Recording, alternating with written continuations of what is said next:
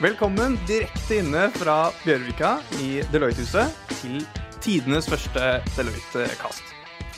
Og dette her, det er podkasten der vi, Andreas og Marius, skal åpne revisjons- og konsulentbransjen og se hva vi finner av kunnskap på Deloitte-huset. Og Vi to er ganske ferske i Deloitte. Vi har vært her i ca. ett år, siden august 2016, og begynte da som nyutdannede eh, konsulenter. Og Vi syns det er ganske spennende å være på oppdagelsesferd rundt her på huset, hvor vi finner advokater, revisorer og konsulenter av alle slag. Så vi, vi fant eh, ut etter hvert at dette her måtte vi prøve å eh, bruke på en eller annen måte, og prøve å avdekke hva slags ekspertise, kunnskap, sitter egentlig på huset her. Og det er ganske mye. Så vi skal lage en episode i måneden, eh, pluss eller minus. Og det vi gjør, er egentlig vi drar inn noen eksperter som vi har på, på hvert enkelt tema. Ett eh, tema per episode. Og får dem inn i studio, rister hodene deres og ser hva slags deilig kunnskap som eh, faller ut. Så eh, det er litt om konseptet vårt. Og så eh, kanskje litt om oss. Hvem er jo du, Andreas? Hvem er jo jeg? Hvem er jo du? Til, sånn til informasjon, så kan det være greit å vite det òg, hvem vi er. Vi skal jo være her hver måned, forhåpentligvis. Så eh, jeg heter Andreas Bryn Edesberg og har en master i ledelse og organisasjonspsykologi. Jobber i consulting og jobber nå først og fremst med implementering av HR-teknologi. Så jeg er ganske sånn teknologiinteressert. Og syns også det er veldig spennende med kommunikasjon, eh, ledelse, de tingene der. Så jeg driver også med det som går på, på kommunikasjon med forskjellige typer personligheter, den type ting. Eh, Så driver vi også litt med noe som vi kaller for greenhouse. Så eh, Kan hende vi kommer tilbake til det senere. Kan det det, eller? kan jo hende, vi får se. Um, ja, det går kort og godt ut på å samle viktige beslutningssaker i ett rom og ta viktige beslutninger på kort tid på en ganske sånn eh, innovativ, eh, morsom eh, måte. Så det er kort om meg, hva jeg driver med og liker å drive med. Hva med deg, Marius? Jo, jeg heter da Marius og jobber også som konsulent eh, her i Deloitte. Før det så tok jeg en eh, mastergrad i samfunnsøkonomi på NTNU. Og det jeg jobber med mest til nå, det er da lederutvikling i bankbransjen, som jeg syns er utrolig spennende. Både fordi at det er lederutvikling som er gøy, men kanskje også spesielt fordi at bankbransjen er et eksempel på en bransje som står i kjempeendring, og at det da har store eh, konsekvenser for ledelse. Og eh, hvis jeg skal si en annen ting som jeg syns er utrolig spennende, eh, som jeg håper vi kommer mye tilbake til på denne podkasten her, det går litt sånn på kompetanse. Eh, og, det spørsmålet om hva er det egentlig vi må kunne for å klare oss i fremtiden? Hmm. Der tror jeg det kommer til å være store mye endringer, og det håper jeg vi får muligheten til å utforske. Vi skal utforske litt i dag, i hvert fall, når vi kommer til temaet for i dag, som er digitalisering i offentlig sektor. Eh, og der er det nok også mye som trengs eh, å gjøres i, i framtiden på kompetansesiden også. Eh, så det, det blir spennende å høre om. Så i dag har vi fått med oss to stykker i studio. Katrine Minken og Lennart Sjøgren. De har vært i Deloitte ganske lenge, vil jeg si. Lennart i over 20 år. Katrine i ca. 5. Begge har vært i offentlig sektor eh, ja, i hele sin karriere, så vidt jeg vet. Så det blir spennende å høre hva de eh, har å, å fortelle oss om hva som skjer i offentlig sektor. Absolutt. Eh, I tillegg til det så kommer vi også til å ha et intervju med Kristoffer og Hilde. Og de startet i Deloitte for en knapp måned siden, så de er enda ferskere enn oss. Og vi skal høre litt om deres tid i Deloitte, og hvordan de opplevde søknadsprosessen. Og så med det så ønsker vi velkommen til tidenes første Deloitte-kast.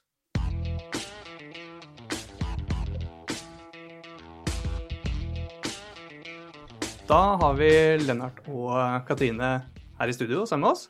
Velkommen. Takk. Takk for det. Veldig hyggelig at dere ville komme.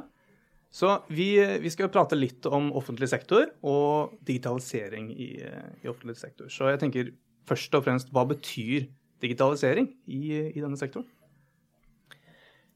Skal jeg starte litt, Katrine? Gjør det. Og så kan du fylle opp, eh, sånn at det blir litt stigning i programmet. Eh, digitalisering er jo et, eh, et buzzword, egentlig. Det betyr mye, og jeg tror mange legger forskjellige ting inn i det. Og det er nok noe vi som rådgivere og konsulenter også sliter litt med. Både for å få et grep om det begrepet selv, i forhold til hva, hva skal vi fortelle våre kunder om eh, hva digitalisering er. Og så tror jeg kundene eh, har ganske store utfordringer med å definere hva det er. Mm. Så det Vi kan jo på en måte gå litt mer i dybden på det, men det er liksom mine, mm. mine Så jeg vet ikke om du er enig i det, Katrine? Absolutt. Jeg tror det at du har veldig rett i at det er, det er vanskelig å definere et veldig sånn tydelig eh, mer eh, konkret begrep rundt digitalisering. Da. Men det, det, vi erfarer, da, det er jo at veldig mange i offentlig sektor definerer det litt som deres modernisering. Mm. Altså utvikling av nye tjenester, ta offentlig sektor inn i fremtiden. Da. Mm. Det er mange eh, av våre kunder, og de vi kjenner i offentlig sektor, som, som legger det i det. Og så ligger, er det andre som kanskje har litt mer sånn teknologihatt på hodet, som sier digitalisering, det er å lage en ny webside. Mm. Eh, det er å som eh, Altså begrepet om å sette strøm på manuelle prosesser. Mm. Eh, gjerne dagens prosesser, og at du bare får en digital løsning til å hjelpe deg med det. Eh, og det er digitalisering. Og noen har kanskje en enda enklere uttrykk for det òg, ved at de rett og slett tenker at de skal legge en eller annen brosjyre ut på nettet og kalle mm. det å digitalisere informasjon til allmennheten. Så er, du har egentlig hele spekteret innenfor offentlig sektor. Hvis vi ser, liksom, tenker denne moderniseringen eller digitaliseringen eller hva vi kaller det, når dere ser på, en måte på offentlig sektor i sin helhet, hva er det dere tenker at den består av da? Hva er liksom de store tingene som, som skjer i denne moderniseringen eller digitaliseringen? Ja, jeg tenker at for offentlig sektor så er den, den store trenden som ikke, altså, som har pågått lenge, det er jo brukerdialogen, eller hvis du tenker innbyggeren som en bruker, som en kunde, hvordan har du en dialog med, med eh, en konsumer av, av, en konsument av offentlige tjenester på en annen måte enn at vedkommende møter opp en kontor og leverer en byggesak i, på papir, eller går til Nav for å eh, bla i i, i stillingsannonser, eller om du eh, skal eh, på fest og trenger å søke om ambulerende skjenkebevilgning.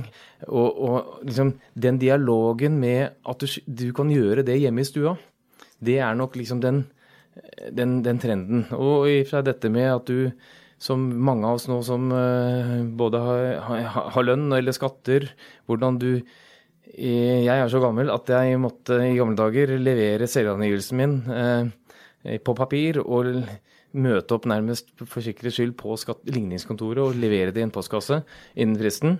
Mens du nå får bare en eh, fiks ferdig utfylt selvangivelse, eh, hvor du egentlig bare sier altså den som tier, samtykker. hvis du, eh, Hvor alt er rapportert inn. Kan si at Det er jo en kjempedigital reise som kan si, skatteetaten har, eh, har holdt på med i, mm. i 20-30 eh, år. ikke sant? Mm. Så sånne kontaktpunkt med brukerne er nok et viktig stikkord. da. Og veldig mange av de som vokser opp i dag, da, som er, som er unge, de vet jo ikke om noe annet. De jo, det er det eneste måten de forholder seg egentlig til offentlige tjenester på. da. De husker ikke nødvendigvis hvordan det var å stikke den, eh, den ligningsattesten da inn i et eh, brevsprekk eh, på et kontor, da, hvis du kom etter åpningstid. Eller ja. Og for å få en god historie, siden det er fredag denne podkasten går, er jo faktisk Jeg er opprinnelig fra Hedmarken. Og der på ligningskontoret på Vang, der hadde de ikke en slik eh, sprekk som hadde rett og slett en postkasse på utsida. Og den ble stjålet. så det hadde de rett og slett altså, det, Da sto det, og det ble jo oppdaget, selvfølgelig, men, eh, og, men det ble kommunisert i, gjennom avisene. At alle som har levert uh, selvangivelsen i tidsrommet liksom, klokken uh, til klokken uh, til klokken elleve liksom, før fristen, de må levere en gang til. Mm. For det, det, og da, det var jo eh, kjempeutfordring. At, da, hadde, da måtte de finne frem gamle kladdearkene sine og, Ja, og det ble Ja, det, og det er jo ting som nå man slipper med, dig- med digitale verktøy. Ja, og det er jo det mange etater som er opptatt av. Da, at de har en helt annen mulighet til å spore den kontakten med brukerne som, eh, enn det de hadde tidligere. Da. Så det er positivt for veldig mange. Og for brukerne også tenker jeg at det handler veldig mye om at samfunnet endrer seg veldig, og at eh, offentlig sektor må endre seg sammen med samfunnet. Sånn, så noe av det som vi også ser en kjempestor trend på, da, det er jo at veldig mange da eh, av offentlige virksomheter, da, de er også nysgjerrig på hvordan, hva er brukerne egentlig opptatt av i sin kontakt med offentlig sektor. Så vi ser jo at veldig mange lyser ut eh, oppdrag som vi konsulenter gjerne hiver oss på og gjerne vil ha. eh, Som gjelder eh, tjenestedesign og, og tjenesteutviklingsoppdrag da, som innebærer å finne ut av hvordan er det vi brukere ønsker å, å motta offentlige tjenester. Tjenestedesign er vel også noe vi skal se på i en senere episode, så det, det er bare å vente og, og høre på, på det. Det er spennende. Eh, Det jeg lurer litt på i forhold til offentlig sektor, for det er så svært da, i forhold til privat sektor, som gjerne er en spesifikk bransje, så er jo offentlig sektor alt og ingenting. Det er helse, det er skatt, det er forsvar, det er ikke sant.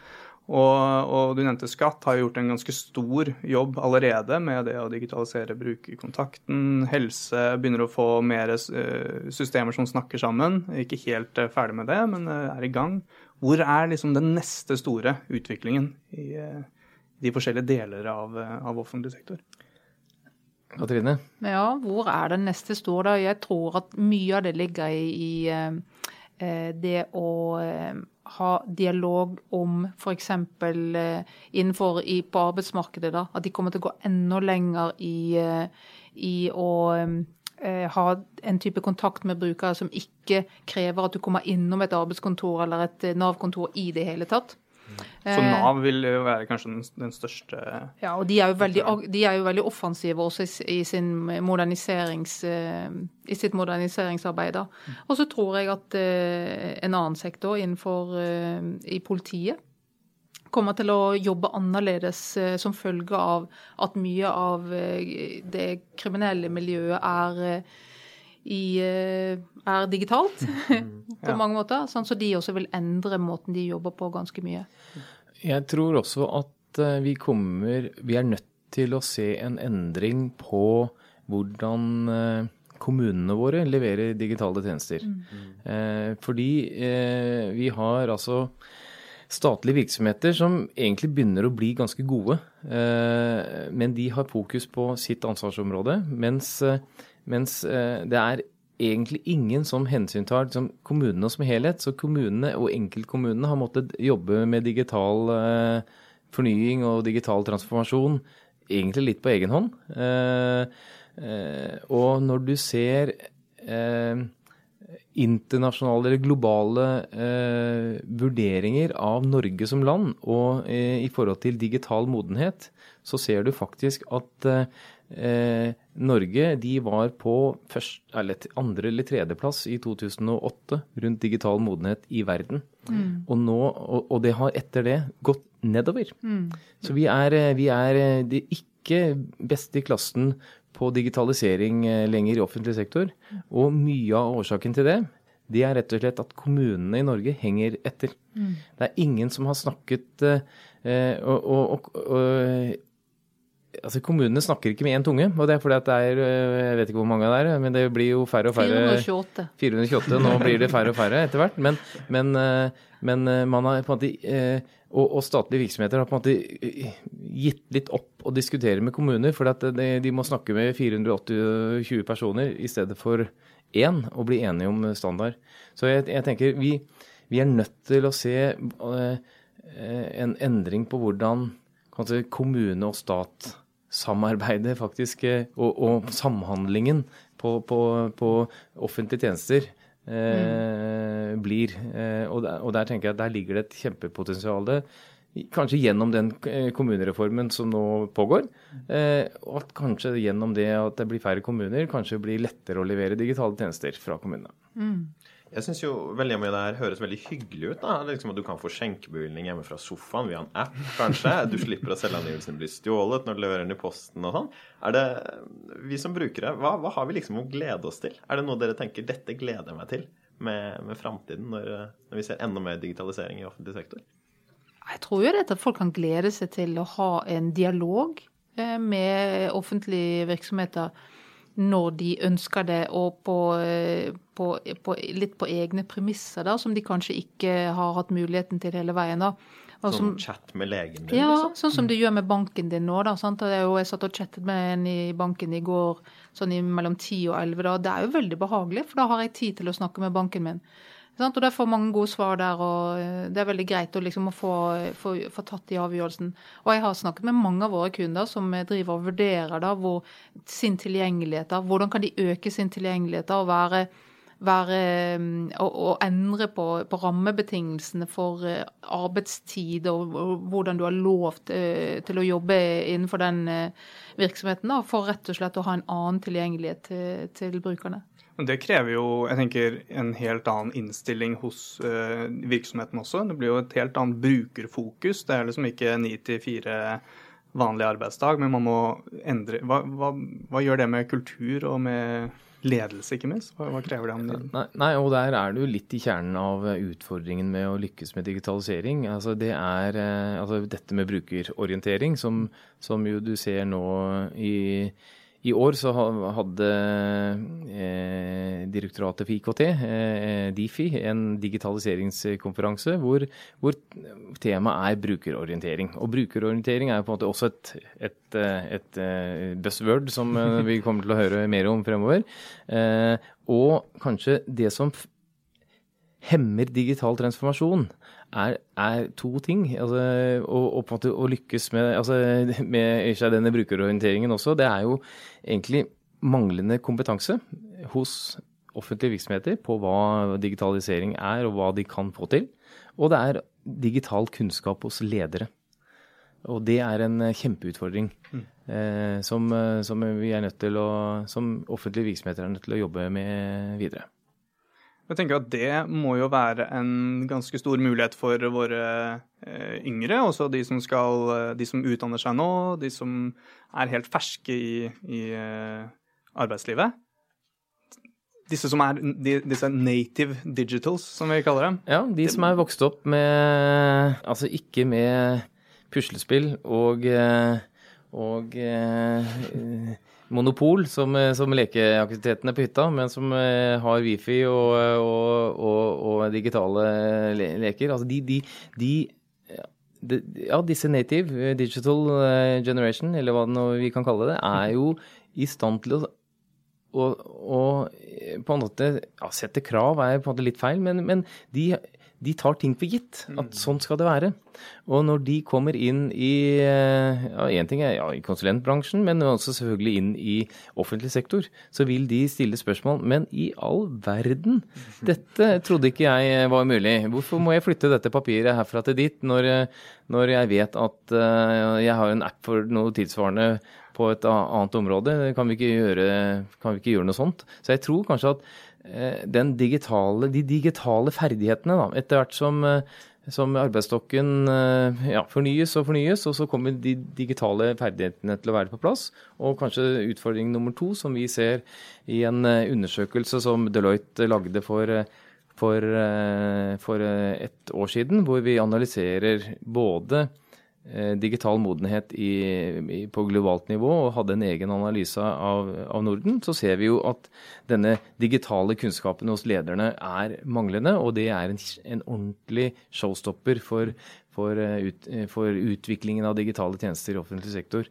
Når lederne byttes ut og, og eh, erstattes med, med, med, yngre personer som på en måte er vokst opp med, med digitale tjenester, så så, så, kommer det til å endre seg, endre seg, Og da kommer digitaliseringen til å skje hurtigere og hurtigere. hurtigere. Vi syns jo dette her med kompetanse som du har snakket om nå, er veldig spennende. Og det tror jeg mange av våre lyttere, som er studenter, også synes. Eh, så jeg lurer litt på hva er det egentlig de eh, blant våre lyttere som kunne tenke seg å gå inn i offentlig sektor, bør kunne når de skal dit, hva tenker du at de bør plukke opp gjennom studietiden som gjør at de kommer til å være gode digitale, brukerfokuserte ledere eller medarbeidere der? Eh, ja, det er et godt spørsmål, det. Eh, jeg tror det å være i stand til å ja, multitaske er eh, mer og mer viktig. Det å bare ha en spisskompetanse på ett element er, eh, er det er bra, det, men, men, du er nødt til å håndtere flere dimensjoner.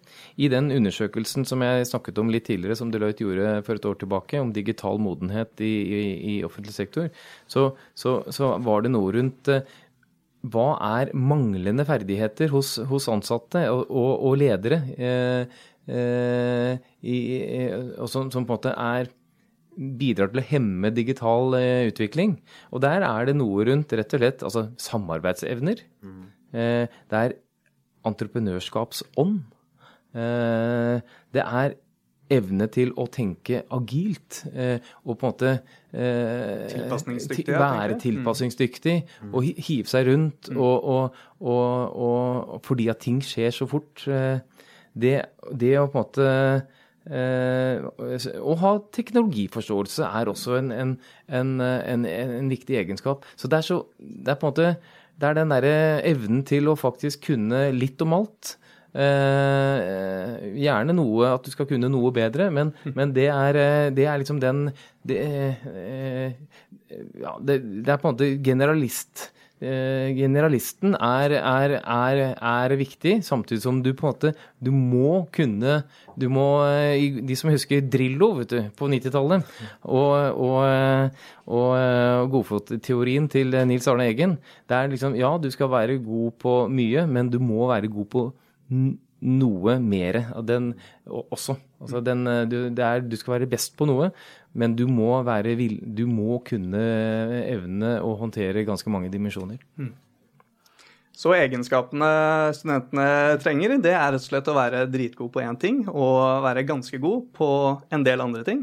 Eh, samtidig så er det eh, vanskelig å definere digitalisering. Det er egentlig et samlebegrep på alt som skjer i offentlig sektor når det kommer til eh, modernisering. Men jeg syns jo det er litt inspirerende å høre at, eh, at, eh, det er et behov for de litt yngre og de egenskapene som, som digitale innfødte kommer med. Det er jo en veldig spennende hverdag. Jeg gleder meg til å, til å kunne slå en prat med min lege på kveldstid på chat og, og få resept tilsendt automatisk uten å trenge å blokke en hel dag til, til sånne ting. Så det er spennende, spennende framtid. Nå skal vi ta en prat med to nyutdannede. Hilde og Kristoffer. Så takk til dere to for at dere kom eh, til denne bolken, og vi høres.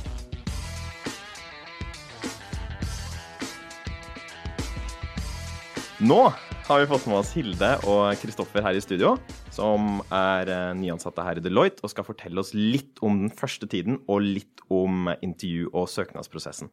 Så velkommen til dere, Hilde og Kristoffer. Ja, takk. Takk, takk. Vil dere kanskje fortelle lytterne våre litt om dere selv? Eh, ja, eh, jeg heter Hilde, er 25 eh, år, kommer fra Tønsberg. Har studert Induc oppe på NTNU, og nå har jeg begynt som nyansatt i Financial Advisory her i Deloitte. Indus industriell økonomi? Industriell for de få som ikke skulle vite hva det var for noe. Ja, det er riktig. Ja. God presisering av det. Ja, ikke det greit? Må tenke på alle. Ja. Yes, jeg heter Kristoffer. Jeg er 25 år fra Asker. Jeg tok bacheloren min på BI i Oslo, og så dro jeg til København på CBS og tok master. Kult. Ja. Og nå har dere da vært loitere i, i fire uker ca., stemmer det? Ja. Mm. Kan dere si litt hva De nikker. Ja. hva har dere holdt på med den første tiden her, de første fire ukene? Eh, jeg som startet da i FA, som vi kaller det for, som forkortelse, eh, vi startet faktisk en uke før alle de andre. Vi eh, dro til Sverige og hadde en introuke sammen med de svenske nyansatte i FA. Og det var veldig spennende. Begynte litt eh, internasjonalt med en gang. Så der hadde vi våre introdager med kurs og hva vi må lære, og, lære oss å holde på med i, i, jobben vår. Og så kom vi sammen med, med resten uken etter. Og der hadde vi jo nye, nye kurs på etikk og code of conduct. Det saftige temaet Code of Conduct. Ja, veldig saftig. Ja, og uken etter dro vi i Consulting, hvor jeg er ansatt, eh, til Norefjell. Og hadde noe som heter Basic Consulting Skills, som er et kurs som går over en eh, uke. Hvor vi egentlig lærer grunnleggende konsulentegenskaper, da, og får innføring i hva konsulentene driver med her i Deloitte. Kult. Kan ikke du si litt om det? Grunnleggende konsulentferdigheter. Hva er det egentlig det går i? Um, ja, vi startet egentlig med veldig, veldig grunnleggende eh, hypotesebygging. Altså hvordan bryte ned problemet i de elementære driverne, da. Eh, for å så egentlig kunne se hvor kan man sette inn spesifikke løsninger for å løse problemet. Så da så vi alt fra til, altså, hypotese 3-bygging, eh, hvordan vi egentlig eliminerer Vi kaller det MISI, da. Mutually Exclusive Equally Exhaustive tankegang. Som handler om å, å dele inn problemet i, i, i poenger da, som ikke overlapper, og som egentlig utfyller alle, eh, alle problemene i, i, i settingen. Her er det noen som har fulgt eh, godt med. altså Dette er meget imponerende. Ja. Ja, og så bygde vi litt videre. da. Hvordan skal du presentere dette her for, for klienten? Ja. Eh, og da har vi noe som heter storyboarding.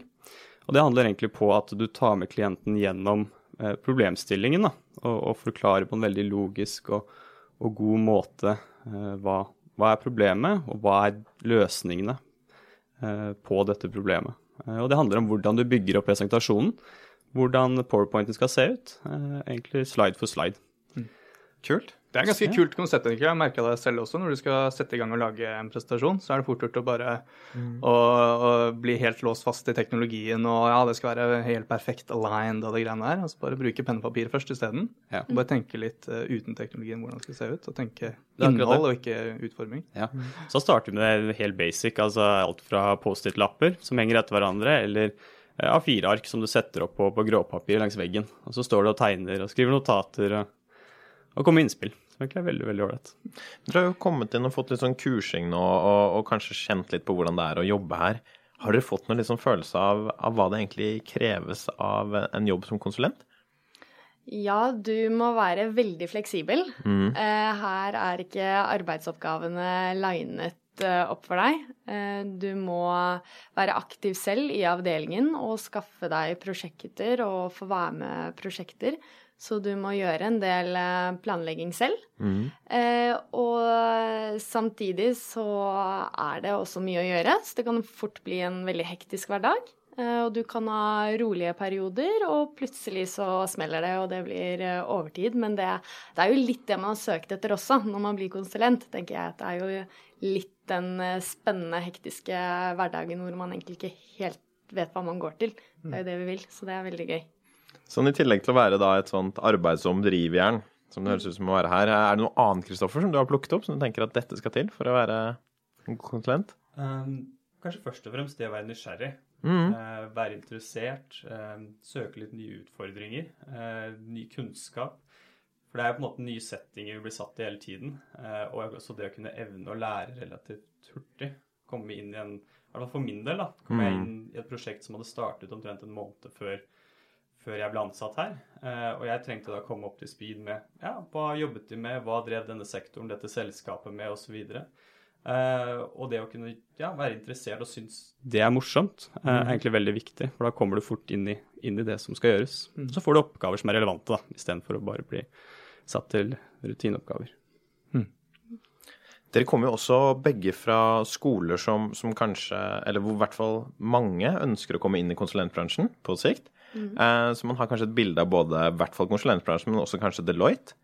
Er det noen ting dere er blitt overrasket over, eller som dere har endret syn på eh, i forhold til konsulentbransjen i løpet av de første ukene her? Um, det er i hvert fall For å prate om Deloitte, da, så vil jeg Ja. si at det er en veldig flat struktur. Eh, forholdet fra partner helt ned til konsulent, som jeg er, er virker veldig kort. Eh, jeg har daglige samtaler med partnere, kan spare litt. Søke råd og tips da, på hvordan jeg kan forbedre meg, eventuelt løse problemer jeg, jeg kommer over. Eh, det overrasket meg litt. Mm. Mm, jeg er helt enig i hvor flat strukturen er. Det at det ikke er farlig å ta kontakt og, og spørre. De vil helst ha flest mulig spørsmål hele tiden, fordi da lærer du, og da blir du flinkere, og det er jo det de vil at du skal bli. Så eh, nysgjerrighet og spørsmål, det er det veldig lav terskel for. Så det, det er veldig flott med, med Deloitte. Og det overrasket meg. Så Bra. Um, dere har jo begge da vært gjennom en rekrutteringsprosess for å komme hit. Kristoffer, du takket ja til jobb for ca. et år siden. ikke Ja. sant? Og Hilde, du kom gjennom et internship som du hadde nå i vinter. Eh, Jeg hadde i vin januar 2015. Så allerede halvannet år siden, da, er det. Ja, det blir riktig. Det stemmer, ja. Kan dere si litt om hvordan dere opplevde den eh, søknadsprosessen? Hva var dere gikk gjennom da? Um, jeg søkte jo da på den vanlige metoden høsten 2015, um, og hadde et førstegangsintervju etter omtrent en ukes tid, som var mer en prat om min CV. Uh, hvem er jeg, uh, hva har jeg gjort, uh, og hvorfor ønsker jeg å søke Deloitte? Lloyd? og etter det intervjuet så, så ble jeg kalt inn på et andregangsintervju, som egentlig var delt i to sesjoner. En casebasert sesjon først, eh, hvor jeg fikk litt tallmateriale, noen slides som jeg skulle bearbeide, og egentlig løse problemstillingen. Um, og så gikk jeg til et partnerintervju, som var mer da igjen om å forstå hvordan jeg passer inn i Deloitte eh, som type, egentlig. Mm. og det var egentlig veldig, en veldig positiv erfaring, helt klart. Eh, det virket som man var genuint interessert i å finne ut av hvem jeg var, eh, hva som interesserte meg, og, hvordan jeg, og hvorfor jeg egentlig passet inn i Deloitte sin kultur.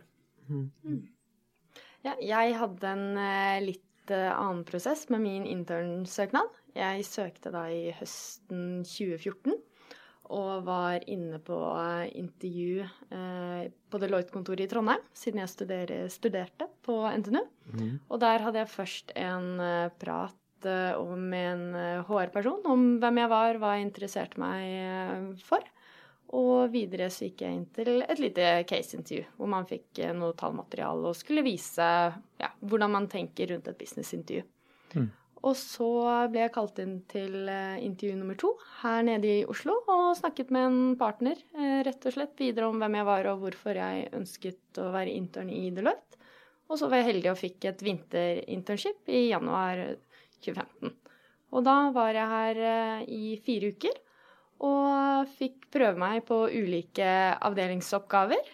Og ble, fikk virkelig sett litt av hvordan hverdagen var her, og hva jeg kom til å jobbe med, hvordan arbeidslivet var. Og det endte opp med at jeg var heldig og fikk et tilbud som jeg takket ja til.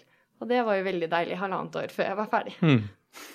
Det er ganske luksus. Kunne gå inn i andre semester på, på masteren og vite at du har jobb om halvannet år. Fremtiden er sikret. Ja, veldig deilig.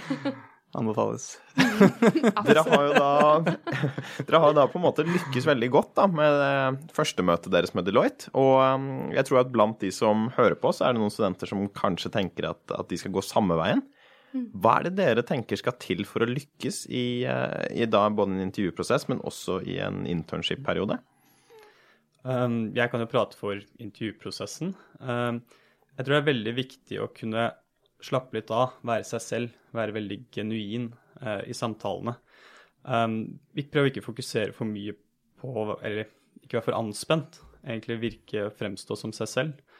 For det skinner veldig ofte gjennom, eh, og de personene som sitter og intervjuer, ser det med en gang. Um, og Samtidig så er det viktig å kunne tenke strukturert og logisk på, på caseløsningen. Eh, ta et litt overordnet blikk, bryte problemet ned i de viktige driverne, eh, og fremstille det på en veldig klar og strukturert måte. eh, uten å dykke for langt ned i detaljene, for det er ofte begrenset tid. Det er kanskje mine viktigste tips. Jeg tror også Hvis jeg kan skyte inn der, så, så er det jo refleksjonen rundt problemstillingen som er viktigst. At, man, at man ser, og ikke nødvendigvis at man, at man kommer Altså still, blir man stilt et spørsmål, så er det ikke svaret boom i bordet. Liksom, her er svaret. Det er ikke det man er ute etter. Men hvordan tenker man eh, Helt greit at man ikke har svaret med en gang. Helt klart, helt klart. Og samtidig også kunne evne at får du ny informasjon, eh, hvordan prosesserer du den informasjonen? Mm. Um, sitter du bom fast på det du har kommet fram til, eller evner du å kunne se at den informasjonen skaper verdi, og som gjør at du kan endre synspunktet ditt? Så, så et viktig perspektiv. Sant? Ja, det, det samme opplevde jeg også under min intervjuprosess. At det å tenke logisk og resonnere seg eh, frem med sånn noenlunde riktige slutninger er egentlig helt perfekt. Du trenger ikke å ha rett svar i det hele tatt. Og, og i internshipet så er det på en måte et slags fire ukers langt intervju. De, de ser jo litt på deg og hvordan du tilpasser deg arbeidsmiljøet, og hvordan du tar imot oppgavene du får, men det er, det er jo overhodet ikke farlig. Jeg glemte egentlig at jeg var der på intervju og bare kosa meg og skravla med kollegaene. Men det ja, det skal vel ikke oppleves som et intervju, Nei, akkurat? Selv det om er det kanskje ikke det. det man, vel- man mister den tanken egentlig veldig fort. Jeg kom på det egentlig siste fredagen, at oi sann, det skal jo egentlig evaluere meg også. uh, men det, det går egentlig veldig, veldig fint. Så det er bare at man viser at man kan trå litt til, og er, er åpen for nye muligheter. Så Mm. går det helt, helt bra. Takk for at dere delte litt om starten, og at dere ville komme her i podkasten. Og masse lykke til eh, videre her.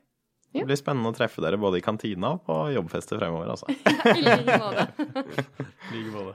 Over kaffemaskinen, ikke minst. Ikke minst. Ikke minst. Så viktig. Så viktig. Da tenker jeg at eh, det er en ganske grei avslutning på denne aller første episoden av Deloitte-kast. Så tusen takk for at eh, du, kjære lytter, har hørt på oss famle oss igjen gjennom denne første episoden. Og hvis du liker det du hører, da må du veldig gjerne dele dette her med familie, venner eller eh, medstudenter og kollegaer. Og du finner podkasten både på Soundcloud, iTunes eller på din favoritt-podkast-app på telefonen. Og vi setter stor pris på eh, all den ratingen eh, vi kan få. Absolutt.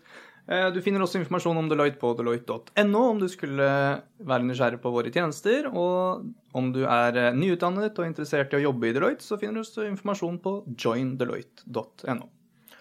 Og med det så takker vi eh, Andreas og Marius. En ting til. Oh, ja. Vi ønsker jo innspill fra lytterne. Absolutt. Så om du har noen spørsmål eller forslag til tema som du ønsker at vi skal ta opp, eh, eller eh, om du har noen flere spørsmål om rekrutteringsprosessen eller andre ting, skyt en mail til eh, podcast at deloitte.no, så skal vi prøve å ta det med i en fremtidig episode. Vi setter pris på all den tilbakemeldingen vi kan få. Bra. Eh, og med det, faktisk, da setter vi faktisk strek på denne episoden. Vi, Andreas og Marius, takker for oss, og da er første episode av Deloitte-kassen over. Takk. Vi høres.